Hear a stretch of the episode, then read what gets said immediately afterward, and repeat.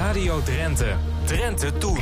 Je luistert naar de podcast van Drenthe Toen. Met zometeen als eerste onderwerp de Zuidladermarkt. Derde dinsdag in oktober. De kachel mag weer aan. We gaan terug in de tijd met Sineke Matthijssen Hogenes. Ze is geboren aan de Kerkbrink in Zuidlaren, midden in het dorp. De dochter van de veearts. En dat had thuis zo ook zijn voordelen. En ik herinner me thuis dat ik eigenlijk nooit bij de huisarts ben geweest in het dorp. Want eh, nou, mijn vader die wist meteen dat wel raad. En die zei eens een keer tegen mij... Ach, misschien kun je soms beter met sommige dingen eerst maar naar de, naar de veearts gaan. Want die weet dat veel beter. Want heel veel huisartsen weten helemaal niets van dierziekten die op mensen kunnen overgaan. We gaan verder met de geschiedenis van de waterleidingmaatschappij, de VMD in Drenthe. En in het Veenkoloniaal Museum is een tentoonstelling te zien over kapiteinsvrouwen. Met onder meer een collectie zeer bijzondere oude foto's. Directeur Hendrik Hagmer. En het was gewoon in de 19e eeuw heel moeilijk om op een zeilschip of een zeeschip foto's te maken, want dat bewoog natuurlijk altijd. En dan krijg je gewoon bewegende beelden. Mensen moesten heel lang stilstaan. Daarom heb je vaak van die hele stijve foto's. Je mocht ook niet knipperen met je ogen, want dan uh, was het ook onscherp. Archeoloog Marcel Niekus laat ons nog eenmaal op zijn manier oog in oog staan met de Neandertaler. Zeker in die laatste fase van Neandertalers was er een hele snelle opeenvolging van, van warmere en koudere perioden. Ja, en als je daar niet helemaal op toegespitst bent, dan, uh, dan leg je wel het loodje. Verder Old Nice, mooie oude radio uit het Rono-archief en een jeugdherinnering van Wiebe Kruijer. Dit is Drenthe Toen. Sophie Timmer. Radio. Vorige week luisterden we naar de jeugdherinneringen van Sineke Matthijssen Hogenes. Opgegroeid in Zuid-Laren als dochter van de veearts. En veearts Hogenes was bij nacht en ontij op pad, hoorden we al. Hoogtepunt van het jaar voor de jonge Sineke was, net als voor heel veel Zuidladers en buitenlui, de Zuidladermarkt. De derde dinsdag in oktober. En het ging en gaat om veel meer dan alleen die padenmarkt. De kermis, de lol, het eten, de standwerkers.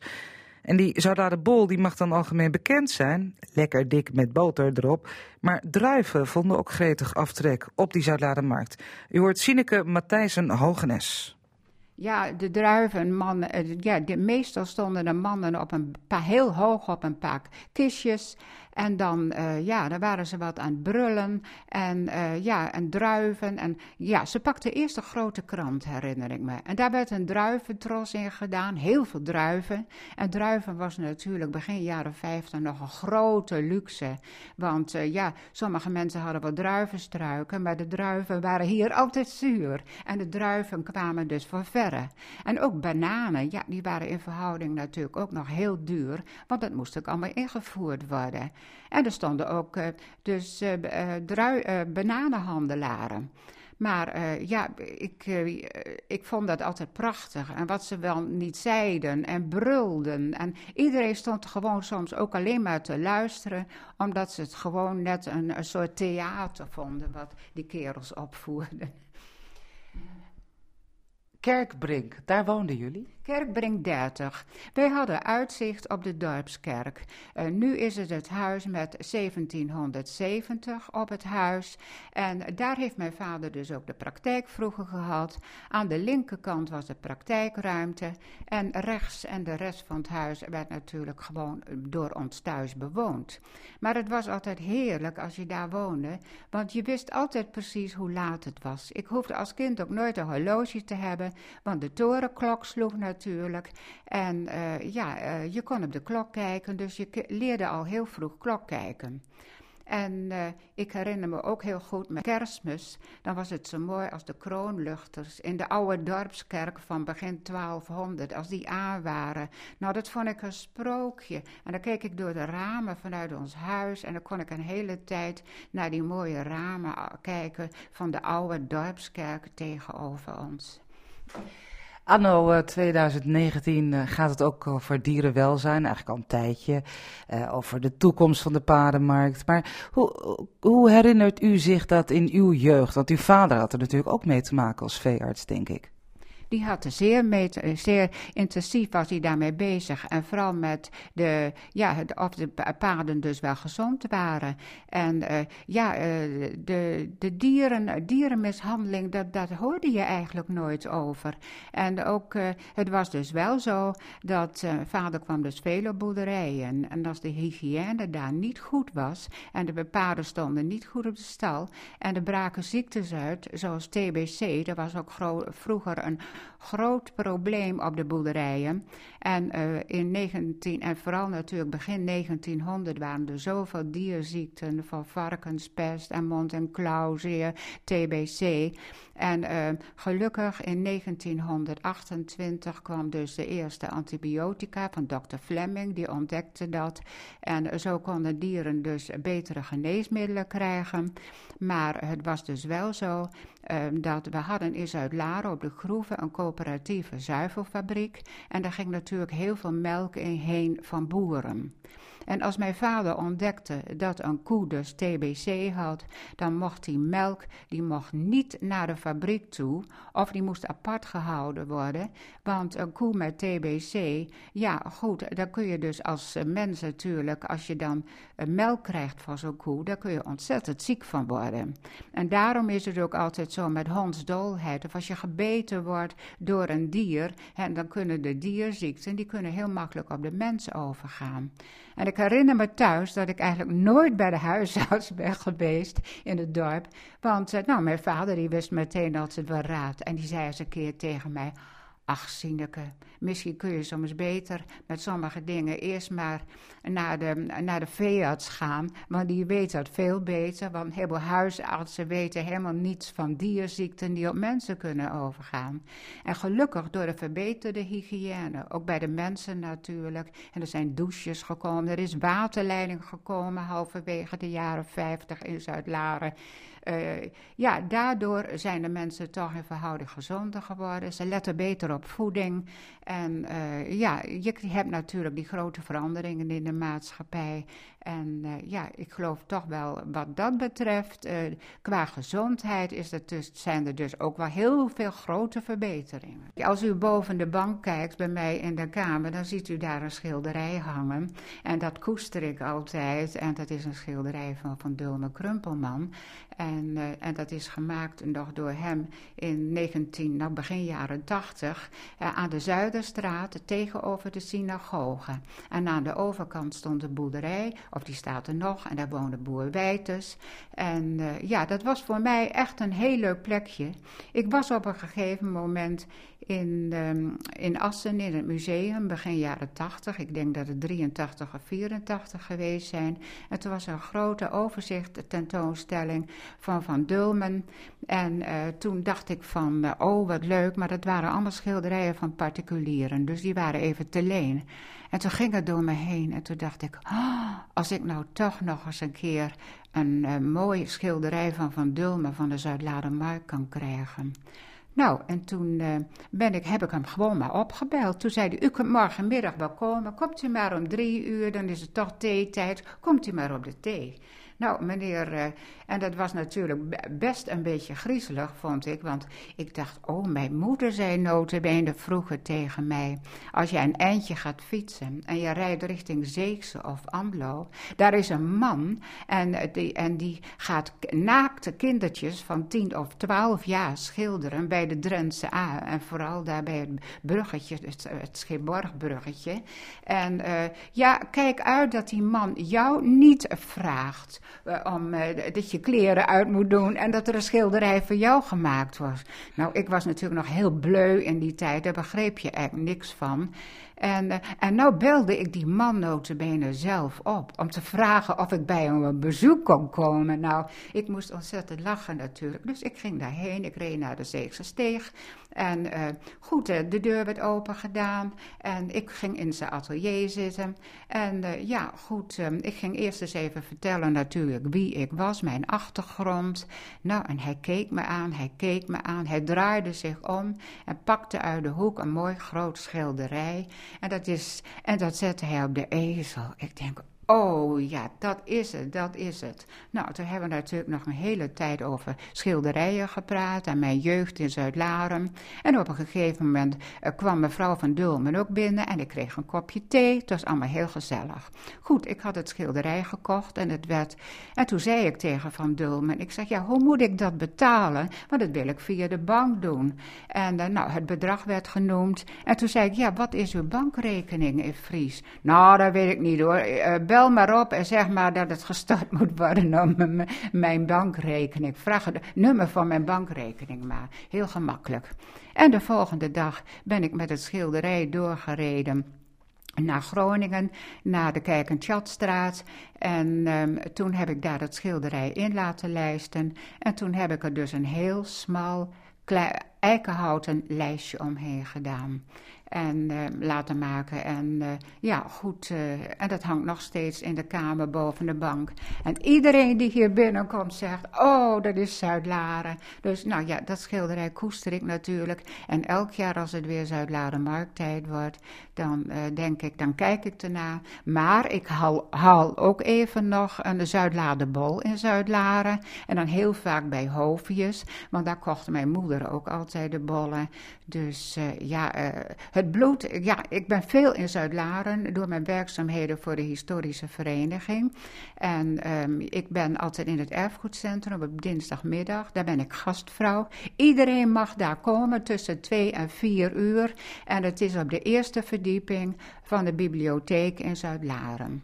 En ik moet zeggen, ja, uh, wij vinden het altijd heel leuk als mensen langskomen. Mensen vertellen het een en ander. En dat kunnen we ook weer gebruiken voor artikelen natuurlijk uh, in ons tijdschrift. De komende minuten neemt Aldert Oosterhuis voor ons de kranten door. En we beginnen in 1983. Dat is lang genoeg geleden om het over een andere rookcultuur te hebben. Want gerookt werd er volop in de vorige eeuw en de eeuwen daarvoor. Old Nijs.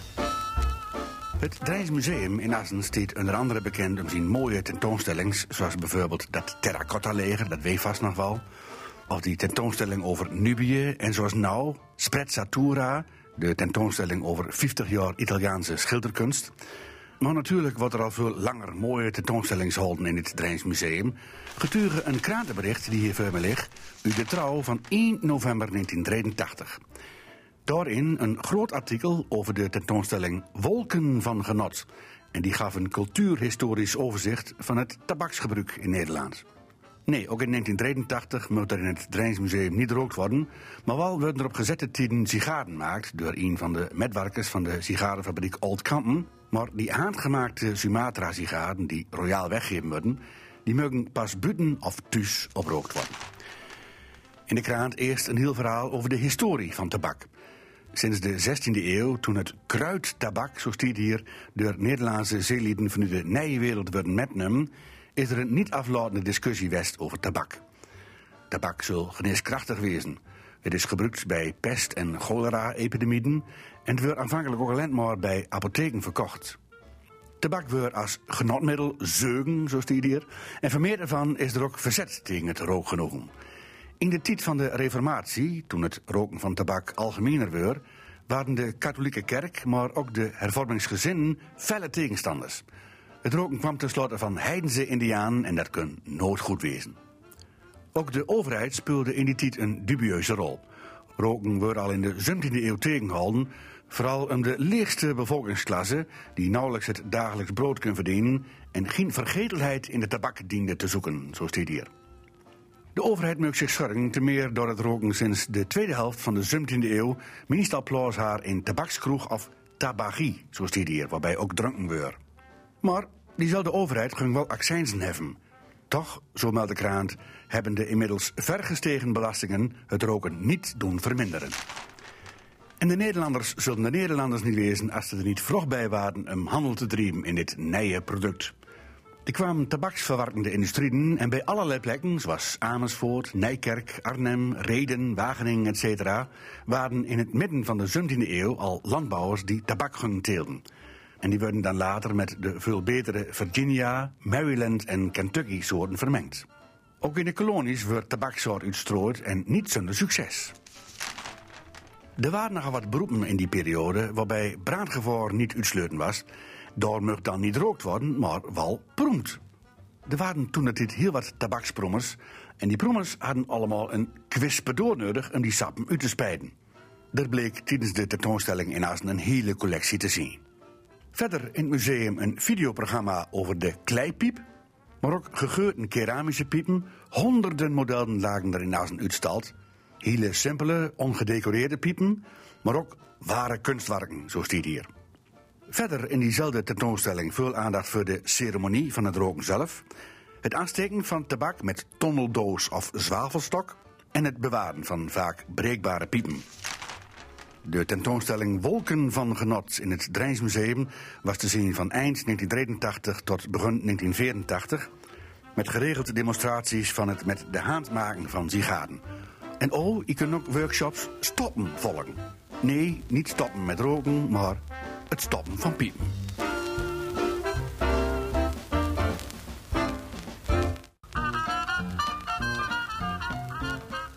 Radio Drenthe presenteert opnamen uit het archief. Ja, als je denkt, ik geloof het nou wel met die Zuidladermarkt. Nou, hou nog even vol, want we laten nog één fragment horen uit ons rijke Rono-archief. Een korte impressie van de Zuidladermarkt in 1973. Over een paard dat weg moet en over poffertjes op de vroege ochtend.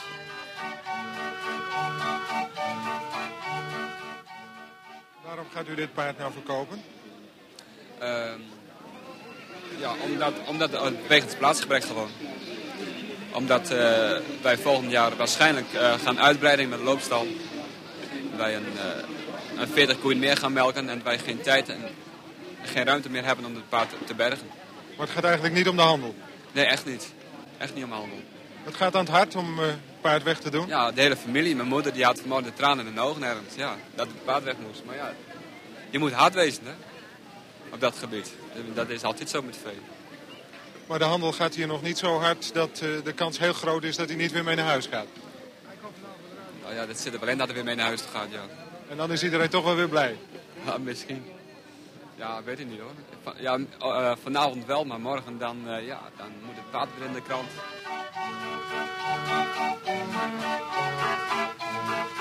U wacht op poffertjes in de poffertjeskraam. Ja, ik wacht op koffertjes. Ja. Waar komt u vandaan? Voorschoten. En u? Voorschoten.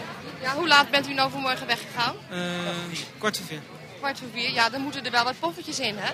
Ja, dat zou wel leuk zijn, maar eh, we moeten wel lang wachten erop, vind ik. Was u hier al vaker geweest? Eh, ja, het is de derde keer. Ja. Wat, waarom komt u hier? Heeft u iets te handelen? Nee, dat niet. Ik kom gewoon eh, voor de traditie. Ik vind het heel erg leuk om naar te kijken. Wij hebben zelf in Voorschoot ook een paardenmarkt, de oudste van Nederland. En, eh, mijn vader gaat hier altijd naartoe, daar gaan we altijd mee. Mijn vader komt al zeven jaar. Daar ga ik hier ook naartoe. Altijd in de buurt. Radio Drenthe. Johanna Bergman-Bijns, of korter gezegd Jo Bijns. Dat is weer een van die spraakmakende vrouwen in Drenthe... over wie Marianne Teunissen een boek schreef. En de hele maand oktober, maand van de geschiedenis, het thema Zij Hij... praat ik met Marianne en eh, elke week eh, hebben we een andere vrouw eh, in het vizier. Dat boek verloten we overigens. Stuur maar een mailtje, drenthe.rtvdrenthe.nl Nou, hele introductie. Marianne, welkom in de studio. Dankjewel. Eh, wij gaan praten over een vrouw die een heleboel was, maatschappelijk betrokken, politiek actief, ook een bekende, las ik in een oude krant, folkloriste. En ze schreef van alles. Ja, wie was deze Johanna Bergman-Bijns? Johanna Bergman-Bijns is geboren als eh, Jo Bijns, 1879. En ehm, zij was een molenaarsdochter in Borger. En wat zij ehm, ja, heeft gedaan, ze heeft heel veel dingen inderdaad gepresteerd, dat zeg je goed. Zij heeft, ehm, ze was schrijfster, ze hield heel erg van Drenthe en ook van de Drentse taal. En daarnaast was zij ook de eerste vrouw die in de Provinciale Staten in Drenthe kwam. 100 jaar geleden, precies 100 jaar geleden. Eh, daarvan wordt gezegd, wel eens, of stond in de krant, van nou, ze heeft niet heel erg van zich laten horen in die tijd als politicus. Vraag ik me af. Um, zij was natuurlijk wel ook de enige tussen al die mannen in zo'n zaaltje. Ik stel me dat dan zo voor. En wat zij wel heeft gedaan, is zij, als zij sprak, sprak zij altijd in het Drents. En dat vond ik, ja, dat, was, dat is nu al uh, hè, nou ja, apart, zeg maar. Als je dat doet, dan maak je een soort statement. En toen was dat ook al. Niemand sprak daar Drents. Nee, want dat werd niet. ook wel geassocieerd met, eh, eh, met de boeren, met de agrariërs, eh, met de boerenstand. En Dus zij deed dat een- dus. Ja, het was echt een statement van haar om dat te Ja. doen. En, en dat vond ik eigenlijk gewoon heel stoer. Dus het was gewoon een stoer mens, denk ik. Ehm, zij heeft daarnaast, ehm, was ze de schrijfster. En zij heeft heel veel ehm, oude volksvertellingen bijvoorbeeld ook, die in Drenthe ja, de ronde gingen. Of wat zij vroeger heeft gehoord als kind bij het haardvuur. Zo omschrijft ze dat ook. Ze kan heel mooi beeldend schrijven. En die heeft ze allemaal opgetekend. Het is heel belangrijk natuurlijk ook, hè, dat iemand dat Heel doet. belangrijk. En Want toen leefden nog mensen die het, eh, nou ja, er was geen radio, er was geen televisie. Dus die verhalen speelden toen ook echt een rol. Ja, en dat was ook echt zeg maar een soort, ja, eh, zeker bij winterse avonden, nou dat kun je je voorstellen. Dan moet je wel eh, iets te doen hebben en dan eh, werden die verhalen verteld. En nu nog steeds worden haar, eh, de, de dingen die zij heeft opgeschreven ook gebruikt als bron. Omdat wij verder niet zo heel veel daarvan hebben. En zij heeft dus alle zagenlegenden die zij als kind gehoord heeft, heeft ze opgeschreven. Ja. En dat, Dat, daarom noemen ze haar folkloriste, zeg maar, in die tijd. ja, en ook omdat zij, zij heeft ook een belangrijk toneelstuk geschreven, het Waschub. En dat wordt in Borger, nou ja, volgens De mij... bruiloft. Ja, tot op de dag van vandaag nog steeds eh, uitgevoerd. En daarin komen ook heel veel gewoontes naar voren, gebruiken die toen normaal waren. Ja. En daar kun je heel eh, veel uit herleiden. Van, nou ja, hoe, Ja. Ja, je hebt het over, leefde. over Borgen. Harm Tiesing, eh, die, die, Ja, eh, dat is ja. een dorpsgenoot die zich ook nou gemanifesteerd heeft. Die noemde haar, lees ik in jouw boek, een snottaap. Ja, Oesniegeltien, zei hij. dat betekent iets als brutale snottaap, ja. Ehm, ja, Harm Tiesing was flink wat ouder, maar ze hebben wel in dezelfde tijd geleefd. Eh, ze waren allebei politiek actief en ze waren ook allebei bezig met schrijven. Schrijven in het Drents. En zij was heel erg, Jo Bijns, heel erg van het zuiver Oost-Drents. En daar, daar maakte ze ook echt studies van. En eh, zij heeft volgens mij Harm Tiesing wel eens verbeterd. Zo van, dat moet je niet zo doen, dat hoort zo. Dus ja, vandaar eh, denk ik zijn reactie. Ze hadden, nou ik denk, ze hadden wat frictie, zeg maar. Ja, en vandaag de dag er zijn straten naar allebei genoemd, hè? Maar ik geloof dat zij een zijstraat heeft. Of hoe zit Nou dat? ja, ja, ze kruisen elkaar. Dus, eh, alleen zij heeft geen voornaam erbij. En ze heeft tot een, eh, nou, een tiental aantal jaar geleden... had ze ook geen tussenstreepje. Dus iedereen vroeg zich dan af in Borger van... ja, wie is die meneer Bergmans-Bijns? En, ehm, Ja. nou ja, en Harm Tiesing, dat was heel duidelijk. Hij heeft ook een standbeeld. En mijn opa en oma komen uit Borgen, de familie van mijn vader. En mijn opa, die had zelf ook zo'n klein standbeeldje van Harm Tiesing. En die had het ook altijd over Harm Tiesing. Maar nooit over Joop Bijns. En dat Nee. is wel een schril contrast. En, Ja. ja. Ze hebben ooit geprobeerd om eh, ehm, een beeld ook van haar te krijgen. Maar dat is helaas niet gelukt. Nou, misschien komt dat nog. Zeg, ze heeft eh, dus veel eh, verhalen opgetekend, maar ze heeft ook één boek geschreven, toch? Ja, ze heeft een roman geschreven. En Harm Smegen, ehm, die heeft ook in die tijd, hè, toen zat zij in de Staten, die heeft haar gevraagd om een tweede deel. Het bloed kruipt waar het niet gaan kan. Ehm, maar dat, dat, dat, ja, dat is er nooit van gekomen. Zij Nee. schreef wel heel veel, ook heel veel verschillende dingen. En er wordt over haar ook wel gezegd dat zij veel, dat we nu nog, hè, na haar, nalatenschap hebben we veel meer nog aan. Dan, dan, nou ja, ja, het is een beetje lullig misschien om te vergelijken met Harm Tiesing. Maar dat was echt een beetje in die tijd. En ja, zo, zo- zij heeft eigenlijk, nou ja, eh, poëzie heeft ze geschreven, toneelstukken heeft ze geschreven, ze schreef voor kranten. En, en inderdaad dat boek. Maar een tweede deel is er nooit Nee, nee. Zeg, je hebt iemand eh, van nu geïnterviewd over haar die, die, die wel raakvlakken zag met eh Joop Bijns. Eline Vedder. Ja, Eline Verder heb ik inderdaad eh, geïnterviewd ook. Zij is de laatste vrouw die in krachtstroom eh, eh, naar voren komt. Zij is ehm, ja, precies 100 jaar later statenlid. En zij zijn, eh, ze waren ook allebei 40, zeg maar. Dus eh, eh, Eline is van eh, 1979 en Jo was van 1879. Dus nou ja, en ik, ik zag op een foto dat ze een beetje op elkaar leken. Dus daarom heb ik het met Eline over haar gehad. Ja. En eh, Eline heeft zich toen ook een beetje in haar verdiept. Wat ik ook interessant vond aan Jo Bijns is dat zij na de Tweede Wereldoorlog, ehm, zij weigerde voor de eh, cultuurkamer te werken, die door de Duitsers natuurlijk werd ehm, ja, bestierd. En ehm, wij hebben in Drenthe een officieus volkslied. Ik heb u lief, mijn heerlijk landje, mijn heerlijk Drenteland. En Jan Uilenberg werkte voor die cultuurkamer, ja, had connecties met de NSB. En eh, zij vond na die tijd van ja, wij kunnen dat lied niet meer gebruiken. Dus zij heeft een ander nieuw lied geschreven. Drenthe Laand waar het olde leven.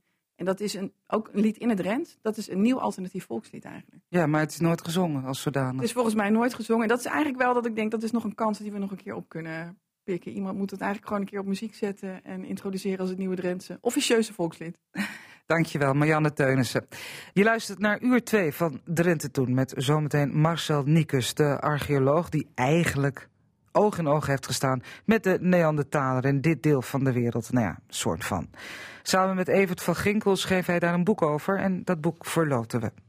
Ook duiken we in de geschiedenis van de waterleiding in Drenthe met niet de eerste de beste, maar eerst voortvarende vrouwen. Want zojuist is in het Veenkoloniaal Museum in Veendam een tentoonstelling geopend. Voortvarende vrouwen in de Veenkoloniale zeevaart. Kapiteinsvrouwen voor geen kleintje vervaart. Collega Lydia Tuinman trof deze week directeur Hendrik Hagmer bij het inrichten van de tentoonstelling en vroeg hem naar de aanleiding. Nou, we hebben een paar jaar geleden hele mooie foto's gekregen van uh, voortvarende vrouwen, vrouwen in de zeevaart. En het allermooiste vond ik toch eigenlijk wel uh, deze foto waar we hier voor staan. Dat is een aanboordfoto. En het was gewoon in de 19e eeuw heel moeilijk om op een zeilschip, op een zeeschip, foto's te maken, want het bewoog natuurlijk altijd. En dan krijg je gewoon bewegende beelden. Mensen moesten heel lang stilstaan. Daarom heb je vaak van die hele stijve foto's. Je mocht ook niet knipperen met je ogen, want dan uh, was het ook onscherp. Dus ik vond het heel kunstig dat er zo'n prachtige foto ontstaan is waar een, een kapiteinsvrouw, in dit geval mevrouw de Groot Zeven, uit Nieuwe Pekela aan boord van het schip gefotografeerd is. En ja, het hele leven van die vrouwen was toch wel een heel ander leven dan degene die thuis bleven, die op een boerderij zaten of in een winkel werkten. Dus het waren avontuurlijke en voortvarende vrouwen. Ja, dus wat, uh, ik, ik dacht dat die vrouwen thuis zaten, maar dat is dus helemaal niet zo. Die nee, nee. mee. Want thuis, thuis, was het schip. Ja, het is zo dat de zeevaart is in de veenkolonie ontstaan uit de binnenvaart. En dat kunnen we ook zien in de volgende vitrine. Uh, heel aardig is dat H.J. Top, die heeft een boek geschreven over de geschiedenis van de veenkoloniën. Die schrijft ook, en we hebben hem ook op deze pagina openstaan, die schrijft dus ook dat uh, in 18 of 1753 al heel veel schepen naar Hannover varen, omdat het gebrek is aan turf. Dan gaan ze dus al over de Waddenzee met turfschepen, dus zijn eigenlijk al binnenschippers. Maar ze zijn wel bezig met wad- en zondvaart. En het geeft al een beetje aan, het waren de eerste pekelders die daarheen gingen. Nou, avontuurlijk. Uh, er konden ongelukken gebeuren, maar de familie ging mee aan boord. En omdat die familie meeging, toen ze ook grotere schepen gingen kopen, bleef die familie meegaan. Dus het was echt ontstaan uit de turfvaart. Ja, ja. En ze hadden dus gewoon hun huis aan boord. Ze hadden een huis aan boord van het, uh, van het zeeschip. En je ziet dan ook dat vaak de kinderen meegaan. Als de stuurman uh, op een gegeven moment aan boord komt, als er meer bemanning is, dan neemt hij zijn vrouw ook mee. Dus dan heb je vaak al twee vrouwen plus de kinderen die meevaren op zo'n zeeschip. Toen dacht jij van, daar zit een tentoonstelling in. Daar zit zeker een tentoonstelling in, omdat men altijd bij de veenkolonie aan het negatieve turfjenever en achterdocht denkt. Nooit een keer aan de, de voortvarende periode die eigenlijk vanaf 1770 er al is. Dat men dus echt geld verdient in de landbouw en in de zeevaart. En we moeten elke keer weer een stereotype van plaggenhutjes horen en armoede en ellende. En ik denk van jongens, houd er nou een keer mee op. Kijk gewoon naar je voorouders en kijk ook naar de vrouwen die voortvarend waren. En ze konden Engels spreken, ze konden Frans spreken, Portugees. Uh, vraag het eens even de hedendaagse vrouwen. Ik denk dat er weinig vrouwen zijn die drie talen machtig zijn. Dat waren zij dus wel. Hoe, hoe is dat mogelijk? Want die vrouwen die voeren mee met hun, uh, met hun schepen, met hun gezinnen, met hun mannen. Maar uh, hoe, hoe, kan je dan uh, rustigsmachtig worden? Dan moet je ze zelf aanleren. En een vrouw schrijft ook in haar dagboek dat het gewoon toch een beetje knullig is als je ergens in een stad bent. En je moet elke keer uh, spulletjes aanwijzen en met, uh, met gebaren moet je dingetjes uh, uitleggen. Dat vindt ze onhandig. En je ziet dus ook dat die vrouwen dus al heel snel bezig zijn om te leren, om zichzelf de talen aan te leren. Dus het is eigenlijk puur zelfstudie geweest. Je ziet op een gegeven moment wel een groot verschil tussen de binnenvaart en de zeevaart. Ik heb hier dus ook een foto waar je ook een binnenschippersvrouw aan het roer ziet. Maar in de binnenvaart is het analfabetisme veel groter gebleven. Het was gewoon die mensen voeren de ene keer naar Stadskanaal, dan lagen ze weer in Emmer Paskum. Die kinderen die zaten ook elke keer op een andere school, even tijdelijk. Maar wat we bij de zeevaart zien, dat de kinderen die krijgen onderwijs van de moeder. En wat gaan ze doen? Uit de Bijbel voorlezen. Ze gaan ook, ik heb hier ook Deense boekjes liggen. Ze gaan uit Deense boekjes voorlezen. Dus ook de kinderen krijgen al heel vaak een snel taalonderwijs. Oké. En dat was dus ook iets wat eh, van belang geacht werd. Het is eigenlijk een hele intellectuele insteek, hè? Ja, het is ook eigenlijk wel heel grappig. Je ziet ook dat het karakter van die vrouwen daardoor onder, ja, verandert. Het worden ondernemende vrouwen. Wat ook belangrijk is, dat er in die tijd, toen de zeevaart nog floreerde en weduwe- en wezenfonds was. Dus was er een keer een ongeluk gebeurd, dan was het niet zo dat je direct aan lage wal hoefde te zitten. Dat, dat weduwe- en wezenfonds ondersteunde met geld. En daar zie je dan vaak weer ondernemers uitkomen. Nou, een goed voorbeeld is Warenhuis van der Veen. Kennen we het allemaal in, eh, in Assen. Maar de roers van Warenhuis van der Veen liggen in Nieuwe Pekela. Het is dus eh, meneer Oldenburger die als kapitein eh, overboord slaat verdrinkt in de golf van Riga. En zijn vrouw komt er dan alleen voor te staan. En we zien hier ook een foto van alle kinderen. Nou, zowel Doetje als Antje zijn beide altijd meegeweest op zeereizen. Ze schrijven ook briefjes uit Koningsbergen. Ze zijn ook in New York geweest en in, eh, in Parijs en Londen en Liverpool. En als zij dan op een gegeven moment een vriend treft, Barel van der Veen, beginnen ze in Assen een winkel.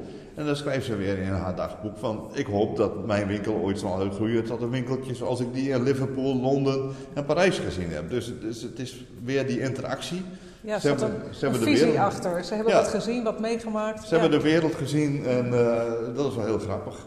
Ja. Wat ik ook een heel aandoenlijk verhaal vind is eh, de weduwe Gies en Oortjes.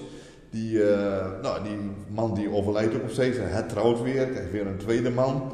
En eh, die overlijdt ook weer op zee. Er zat natuurlijk ook heel veel leed zat erachter. Ja. Maar ze trouwt nog een keer een derde keer. En het grappige is, als je op die grafsteen gaat kijken, daar staat de derde man niet op. En dan schrijft ze ook weer in haar dagboek van, mijn derde man is niet de moeite waard om genoemd te worden. Oh, Nou, dus het geeft toch wel een beetje eh, weer het zelfstandige karakter van die eh, vrouwen eh, weer. verandert het in de loop van de tijd? Nou, je ziet dus dat zolang de zeilvaart blijft, blijft de vrouw aan boord van het schip ook belangrijk.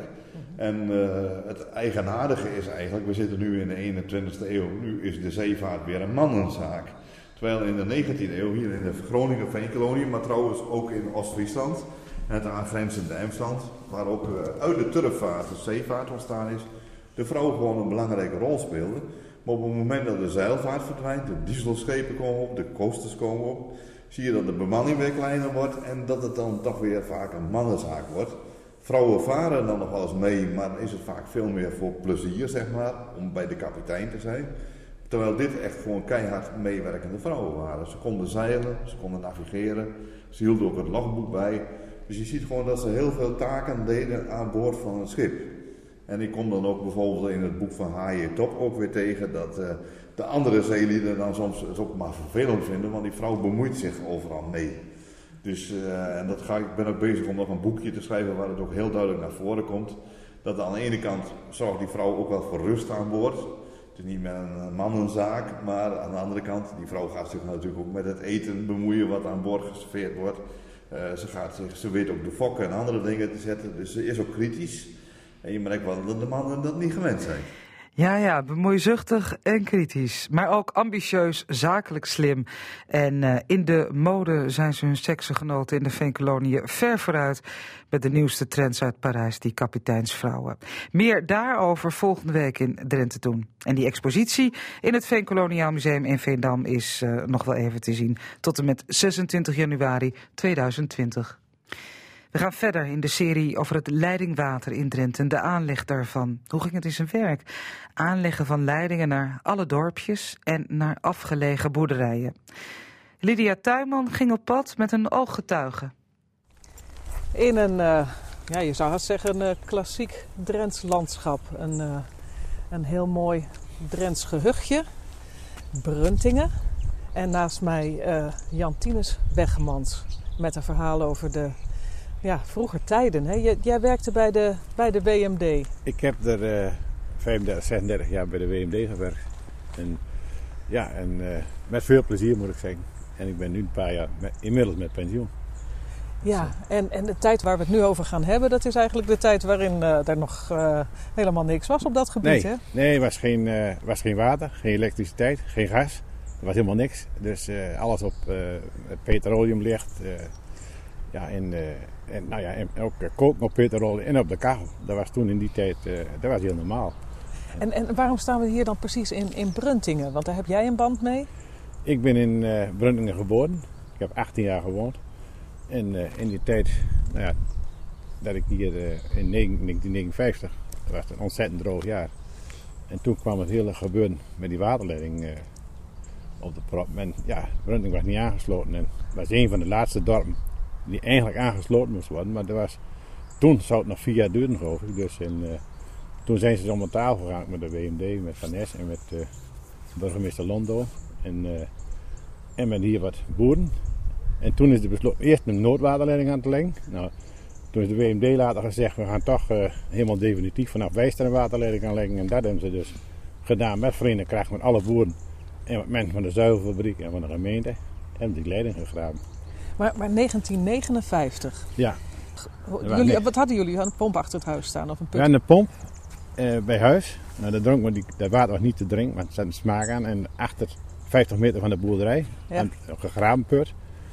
En eh daaraan bij water en daar dronk we van. En dat, eh dat gebruiken we. Oké, dus die ene was voor, voor Voor, huishoudelijk... ja, voor de vee. En het bestal natuurlijk moest, eh, in de winter moest natuurlijk eh, water gegeven worden. Dus, en daar was die pomp eh, werd daarvoor gebruikt. En, eh, en voor gebruik voor het huishoudelijk, zeg maar, voor, eh, voor het eten en drinken. Dat werd uit de 50 meter van de boerderij uit de put gehaald, geput. En, eh, ja, en daar waren verschillen. Dat was ook hier bij onze boerderij, maar hier de andere boerderij ve- ook veel regenwater. Dus, eh, Hm. ja, dus daar was wel een beetje verschil in. Maar, eh, en die hadden toen in 1959 waarschijnlijk de put droog. Oh, omdat, ja, het, natuurlijk, dat Ja. was het, eh, het noodgeval, want dat besefte ik net niet. Eh, Ja, eh, ja kijk, in die putten die, die we hadden, die, dat waren veldputten, die hadden dan nog wel water. Maar kijk, als je regenwater, wat ze hier ook veel deden, dat, eh, die regenwaterputten waren droog. En dan kregen ze water van de fabriek, van de melkboer die de melk ophaalde. Die nam de bus weer vol met water weer mee terug. Van de fabriek uit Westerbork, van de zuivelfabriek. En dan hadden ze daar water voor, eh, voor het huisloop gebruikt, zeg maar. Dus mensen zaten toen echt met smart te wachten op een, eh, op een waterleiding. Tot dat toen Ja. nog niet zo heel erg, nee, denk nee. ik. Nou ja, in 59 was het, toen kwam het echt, toen werd het penibel, want toen was er gewoon, gewoon eh, geen water. Nou ja, geen, bij- de buurt, maar natuurlijk, eh, dan, dan, dan haalde je water waar water was. Maar jij hebt dus ook als kind gewoon met emmertjes water gelopen voor je moeder? Ja, ja zeker. We moesten eh, vaak even achter naar de, naar, naar de hof en de waterputten. En dan, ja, er was natuurlijk ook, toen was het ja, niet zoveel water nodig als nu. Maar je had dus, je had geen wc met waterspoeling, je had geen douche. Dus dat ging allemaal met de, de kan over het hoofd, zeg maar, het water over het hoofd gieten en, en wassen. En, dat, en vaak ook met koud water. Alleen zaterdag dan werd de kookpot aangezet en dan had je warm water om, te, om je te... Nou, douchen kon niet, maar om je wat te voedelen, zeg maar. om- Ja, ja, dus jij bent een, een gehard mens, want jij bent groot geworden met, eh, met een koude douche. Ja, dat kun je wel zeggen. Ja, ik, moet, ik ben nu wel verwend, want ik, eh, je springt er nu onder wanneer je wilt. Maar eh, Ja. dat was toen niet zo. Dat was, eh ja, wat ook met koud water was. Ja. Dat, was eh, dat was toen heel normaal. En je wist niet anders. Dus, Nee, en iedereen deed het. Zeg maar, toen, toen moest die waterleiding met, eh, met stoom en kokend water, de- nou ja, dat is ook een mooie term in dit verband, moest, moest komen. Ja, Eh, en hoe ging dat toen? Want je zei net met, met verenigde ja krachten. die zei je. woning die kwam zeg maar, om een uur of negen begon ze te graven. En dan, eh, nou, dan was er om elf uur kwam er een, een boer die de leiding had. Dat was Willem Boer. Die kwam dan met een jeneverfles om elf uur. Maar dan moest ook wel een slokje gedronken worden. eh, tijdens de graven, anders dan eh hielden die boeren dat niet vol. Oh, Dus- zo ging dat. Ja, zo ging het. Het werd wel een beetje gemoedelijk. eh. dus ja, niet dat er werd, er werd gewoon één glaasje geschonken en die werd hem.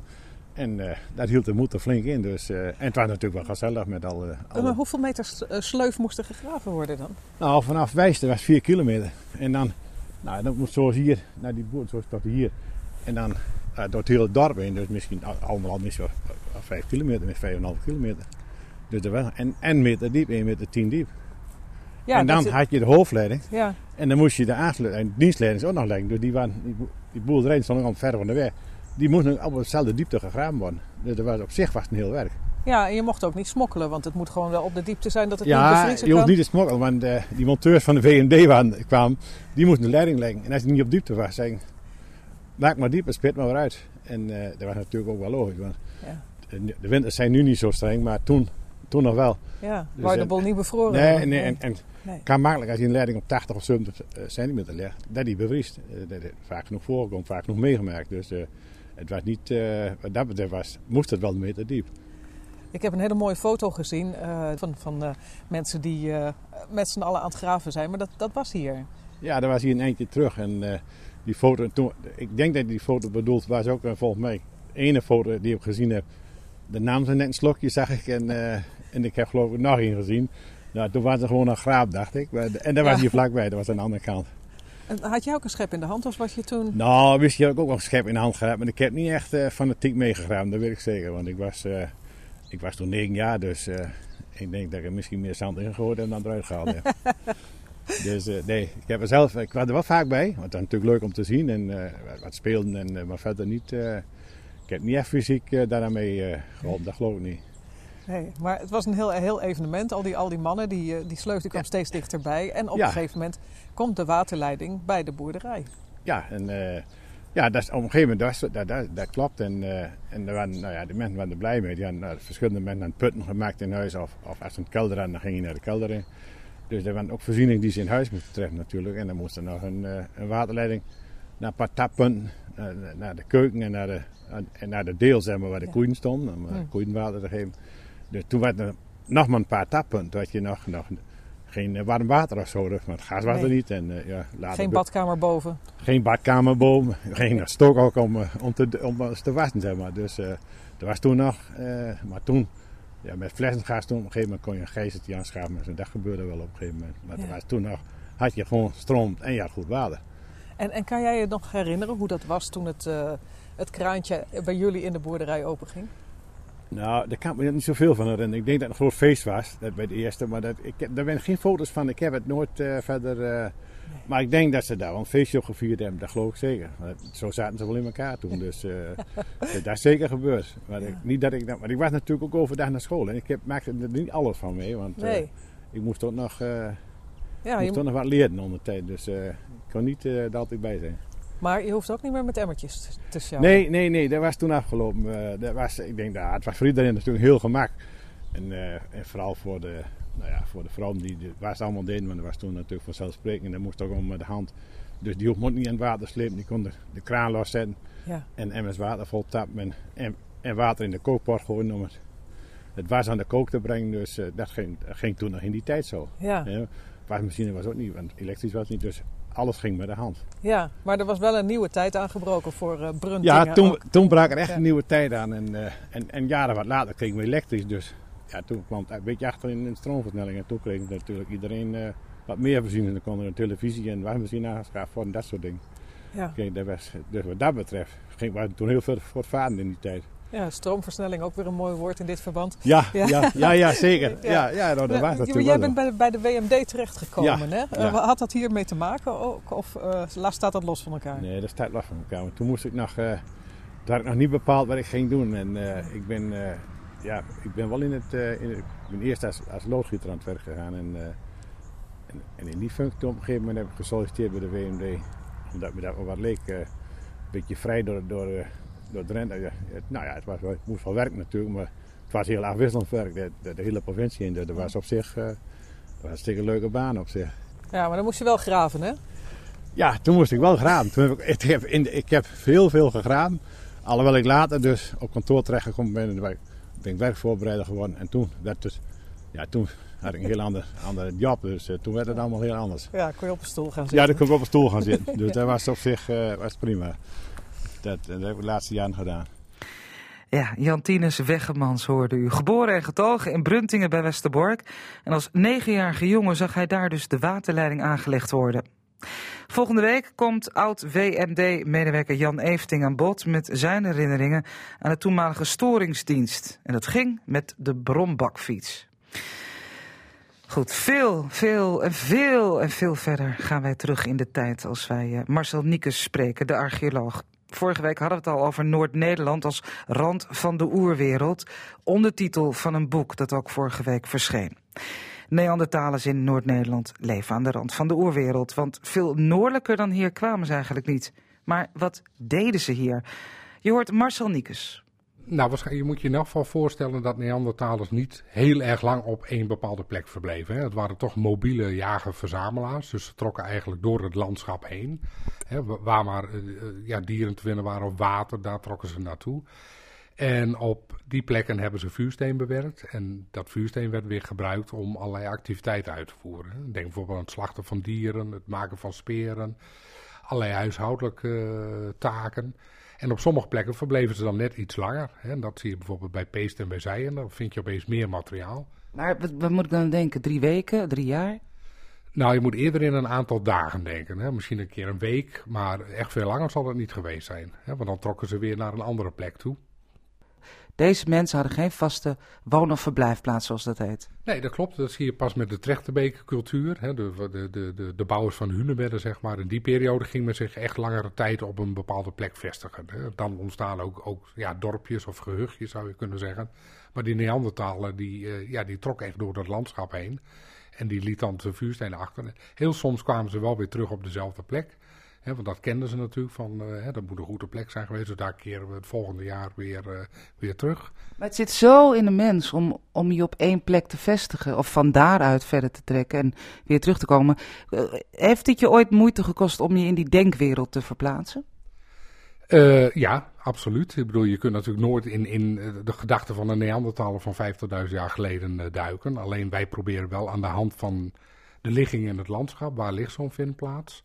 En aan de hand van de vondsten, om ons daar een beeld eh, hè, van, van te scheppen van hoe dat daaruit heeft gezien. Hè, en we hebben ook in het boek een aantal reconstructies opgenomen van hoe wij denken dat het kampement eruit heeft gezien. Nou heb je ergens eh, gezegd, eh, iets, het woord kunstzinnig gebruikt je. En nou weten we dat wanneer mensen te eten hebben en een bed en, en, en dergelijke, dat ze dan ook tijd hebben om, om zich met dat soort zaken bezig te houden. Maar hoe moeten we dat ons voorstellen bij de Neandertaler? Ehm, nou, we weten sinds een aantal jaren, eh, dat is eigenlijk nog maar vrij kort bekend, dat eh, Neandertalers ook grotkunst maakten. Hè, dat was eigenlijk voor die tijd wat het voorbehouden aan de moderne mens. En sinds een aantal jaren weten we dat in Spanje dat ze ook eh, ja, een, simpele grotschilderingen maakten. Ja, een hashtag las ik in het boek. Dus, Ja, dus streepjes. Ja, ook vooral streepjes. meer, Hè? De, de, geen figuratieve afbeeldingen zoals we van de moderne mens kennen, maar wel eh, ja, eh, hashtags inderdaad en lijngraveringen. Dus vrij eenvoudige symboliek. Misschien was hij wel eh, aan, het- aan het communiceren met de goden of zo. Dat, dat zou heel goed kunnen. Hè? Dat het aspecten van religie en, en eh, denken over, over andere werelden, ja, dat, dat is heel moeilijk te, te grijpen. Maar we willen natuurlijk altijd alles weten. Dat, is, eh, dat zit nou eenmaal in de mens. Dus de sociale structuur van de Neandertaler. Ehm waren ze monogaam? Hadden ze een gezin? Deelden ze alles samen? Deden mannen ander werk dan vrouwen? Dat, daar- moeten mensen zijn die zich daarmee bezighouden. En jij ook. Ja, dat klopt. hè. Ik bedoel, we hebben wel het idee dat bepaalde taken, eh, dat weten we ook uit de etnologie, hè, uit onderzoek van, van, van hedendaagse jagerverzamelaars in Afrika en in eh, de Inuit in, eh, in Alaska. Dan weten we ook dat dat soort jager-verzamelaarsgroepen wel degelijk ook ja, een, een, een, activiteiten hadden. Hè. Bijvoorbeeld, denk, bijvoorbeeld de jacht was voornamelijk voorbehouden aan mannen. Terwijl huishoudelijke taken, ja, in deze tijd mag je het bijna niet meer zeggen, maar dat was voornamelijk werk van vrouwen. Hè, dat zie je zeker bij 80, 90 procent van jager-verzamelaars zie je dat gewoon terug. En wat bij ons onderzoek ook heel erg interessant naar voren komt, dat is het feit dat we kinderen kunnen identificeren aan de hand van de vuurstenen. Hè, er zijn bijvoorbeeld kleine vuistbijltjes waarvan wij denken dat ze door kinderen zijn gemaakt. Dus die hadden ook een taak in het geheel. Die moesten het leren van, eh, wij denken dan de vaders. Dus we krijgen zo een beetje, ook al hebben we geen botten van die Neandertalen gevonden eh, op onze vindplaatsen, we kunnen wel zien dat er ook kinderen zijn geweest. Dus je hebt mannen, vrouwen, kinderen, dus dat zijn waarschijnlijk toch een soort eh, gezinsverbanden. En hoe groot zou zo'n groep dan geweest zijn? Bijvoorbeeld die in Peest eh, zijn geweest meerdere malen. Eh, nou, wij denken een man of 10 tot 15. Dat is waarschijnlijk het, eh, dat is een beetje de, de gemiddelde groep jager-verzamelaars. En we weten ook sinds kort uit onderzoek in, in, in Frankrijk, daar zijn voetafdrukken gevonden langs de kust van Neandertalers. Onder andere van, van mannen en waarschijnlijk ook vrouwen en kinderen. En dat, eh, die geven ook aan, eh, die onderzoekers, dat dat tussen de 10 en 20 personen moeten zijn geweest. En wij gaan er ook vanuit dat dat ook voor onze groep eh, ongeveer geldt. Maar goed, wat de Neandertaler kenmerkt is, hij bleef nooit ergens lang. Nee, dat klopt. Hij keerde soms wel terug op bepaalde plekken, waardoor je opeens op één plek heel veel vuursteen vindt. Maar dat heeft niet te maken met dat ze ergens heel lang achter elkaar verbleven, maar meer dat ze elke keer of één keer in zoveel jaar weer terugkeren. We gaan terug naar eh, Marcel Niekes, de archeoloog. Ik vroeg hem, mocht hij de gelegenheid hebben, want het kan natuurlijk niet, in een tijdmachine terug te gaan naar de Neandertalers. Wat zou hij dan willen weten? Oh, dat is een hele interessante. Eh, nou, ik zou heel graag 50.000 jaar terug willen naar Peest. Om gewoon eens te kijken van... Kijk, wij hebben natuurlijk al die vuurstenen bekeken. We hebben ze beschreven, we hebben ze onderzocht, we hebben erover gepubliceerd. En ik zou dan wel eens heel graag willen zien van of onze interpretaties op basis van die vuurstenen nou inderdaad klopt. Van zijn er kinderen geweest? Hoeveel zijn dat er geweest? Eh, hebben ze inderdaad daar allemaal dieren geslacht? Zijn dat dan ook allemaal herten bijvoorbeeld geweest, wat wij denken? Ja, dat zijn allemaal vragen die ik heel graag eh, beantwoord eh, zou willen zien. Ehm, het was een zwaar leven, denk ik, voor de Neandertaler. Nou, is alles zwaar als je dat met de huidige maatstaven bekijkt. Maar ze werden ook niet oud, toch? Nee, ze werden zeker niet oud. Ik bedoel, eh, 30, 40, dat zal echt het maximum eh, geweest zijn. Hè, want ze hadden ontzettend veel eh, ja, ontberingen te doorstaan, hè, klimatologisch, maar ook bijvoorbeeld met de jacht. Ik bedoel, probeer maar eens met een klein groepje mannen een, eh, ja, een, een, een, kudde rendieren eh, te bejagen. Dat zal zeker allerlei ongelukken ook met zich mee hebben gebracht. En we weten ook dat er vrij veel Neandertalers zijn geweest met, eh, met botbreuken en andere verwondingen. Dat weten we uit onderzoek eh, eh, uit- van elders, eh, waar ze dat eh, gezien hebben aan eh, lichaams- aan botresten. Ja, klopt. Dat kennen we inderdaad uit, uit eh, onder andere Irak en uit eh, Israël. Eh, Daar kennen we voorbeelden van botten met, eh, met vaak wel geheelde breuken. Ja, Maakt ze dat ook sympathiek in jouw ogen? Eh, nou, dat op zich niet specifiek, maar we weten wel dat er ook werd gezorgd voor, eh, eh, voor de, de, de gewonde groepsgenoten. Dus dat geeft toch aan dat ze een bepaalde k- gevoel van compassie voor elkaar hadden. En dat maakt ze nou juist ook weer heel menselijk. En heb je dat, dat wel eens als je dan zo'n ehm, nou ja, artefact, om in de terminologie te blijven, bekijkt, dat je, dat je wel eens ontroerd raakt? Ehm, mm, dat gebeurt niet zo vaak, maar heel soms wel. Ik bedoel, ik heb dat wel meegemaakt bij de opgraving zelf. Dat je dan echt uit de, de oorspronkelijke bodem een artefact haalt van een Neandertaler die dat daar 50.000 jaar geleden heeft achtergelaten. Ja, dat was voor mij wel een, een eye-opener. Omdat het de eerste keer was dat we zo'n artefact echt in situ vonden, dus in de oorspronkelijke positie. Dat eh, bracht bij mij wel een, eh, een brok in de keel teweeg. Ja, absoluut. Waarom is die uitgestorven? Ja, dat is ook zo'n eh, lastige vraag. Er zijn een heleboel theorieën over. Bijvoorbeeld eh, eh, dat ze moesten concurreren met de moderne mens. Dat is een, een hele veel gehoorde theorie. Want de moderne mens die was heel erg toegespitst op, ja, op jacht op lange afstand, zeg maar. Dat was een lange afstandloper. en men gaat er soms vanuit dat de Neandertaler daar eigenlijk niet mee kon concurreren. En dat hij daarom is uitgestorven. Dus dat is maar één van de vele theorieën hoor. Een echte duidelijke ja, hoofdtheorie is er gewoon niet. Komt hij er nog? Ehm, ik denk het niet. Nee, er blijft toch heel moeilijk eh, eh, ja, speculeren van wat nou exact de reden is geweest. Eh, waarschijnlijk is het een heel complexe set aan, aan, aan oorzaken die daar een rol speelt. Hè. Of een ziekte of zo? Ja, klima- klimaat kan meespelen. Hè, want de moderne mens die kon zich veel makkelijker omgaan waarschijnlijk met die klimaatveranderingen. En we weten wel van Neandertalers dat, zeker in noordelijke gebieden, tenminste dat is de hypothese, dat als het kouder werd, dat ze eh ter plekke uitsterven. En dat ze niet meer, ja, niet meer terugkwamen naar de warme gebieden. En eh, dat er elke keer een golf was van uitsterven. En de moderne, de moderne mens die kon er waarschijnlijk veel beter mee omgaan met die klimaatveranderingen. Dus eigenlijk was die gewoon niet geschikt meer om, om op deze aarde te leven. Eh, nou, niet onder die omstandigheden. Dat, dat speelt gewoon heel erg mee. Want zeker in die laatste fase van Neandertalers was er een hele snelle opeenvolging van, van warmere en koudere perioden. Ja, en als je daar niet helemaal op toegespitst bent, dan, eh, dan leg je wel het loodje. Is dat erg? Eh, ja, ik, ik weet niet of je iets erg moet vinden wat in, in het verleden ligt. Ik bedoel, daar kun je helemaal niks meer aan doen. Maar ik zou wel benieuwd zijn, want dan had je tegenwoordig had je meerdere mensensoorten gehad. Had je echt de moderne mens gehad, maar ook de Neandertaler daarnaast. Ik denk dat dat een heel interessant eh, ja, experiment zou zijn. Nou, denk daar maar eens over na. Marcel Niekus, een van de twee schrijvers van het boek over Neandertalers in Noord-Nederland. Die ander is Evert van Ginkel. Het programma zit er bijna op, maar niet voordat wij hebben geluisterd naar een jeugdherinnering van Wiebe Kruijer, zoals voorgelezen door Robert Oosting.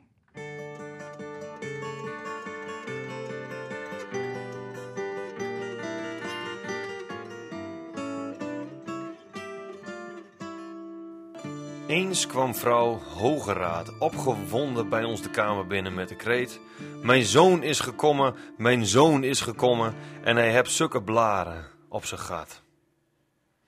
Met lichte verbazing wachten wij af wat er verder zou komen. Uit het verdere verhaal konden wij opmaken dat haar zoon met een kameraad helemaal uit Rotterdam was komen fietsen om voedsel voor hun gezinnen te halen. Ze kwam nu bij ons om melk en eieren, want om plotseling twee kostgangers erbij was de huishouding van mevrouw Lindeboom natuurlijk niet berekend. Na een dag of drie ging het tweetal ongetwijfeld met een voedselpakket op hun oude fiets weer terug op weg naar Rotterdam. Een zorg voor mevrouw Hogeraad was uiteraard of de oversteek over de IJsselbrug zou lukken en of ze hun voedsel daar veilig overheen hadden kunnen smokkelen. Eén of twee dagen later kwam mevrouw Hogeraad weer bij ons langs, nu met de kreet: Ze binnen erover, ze binnen erover.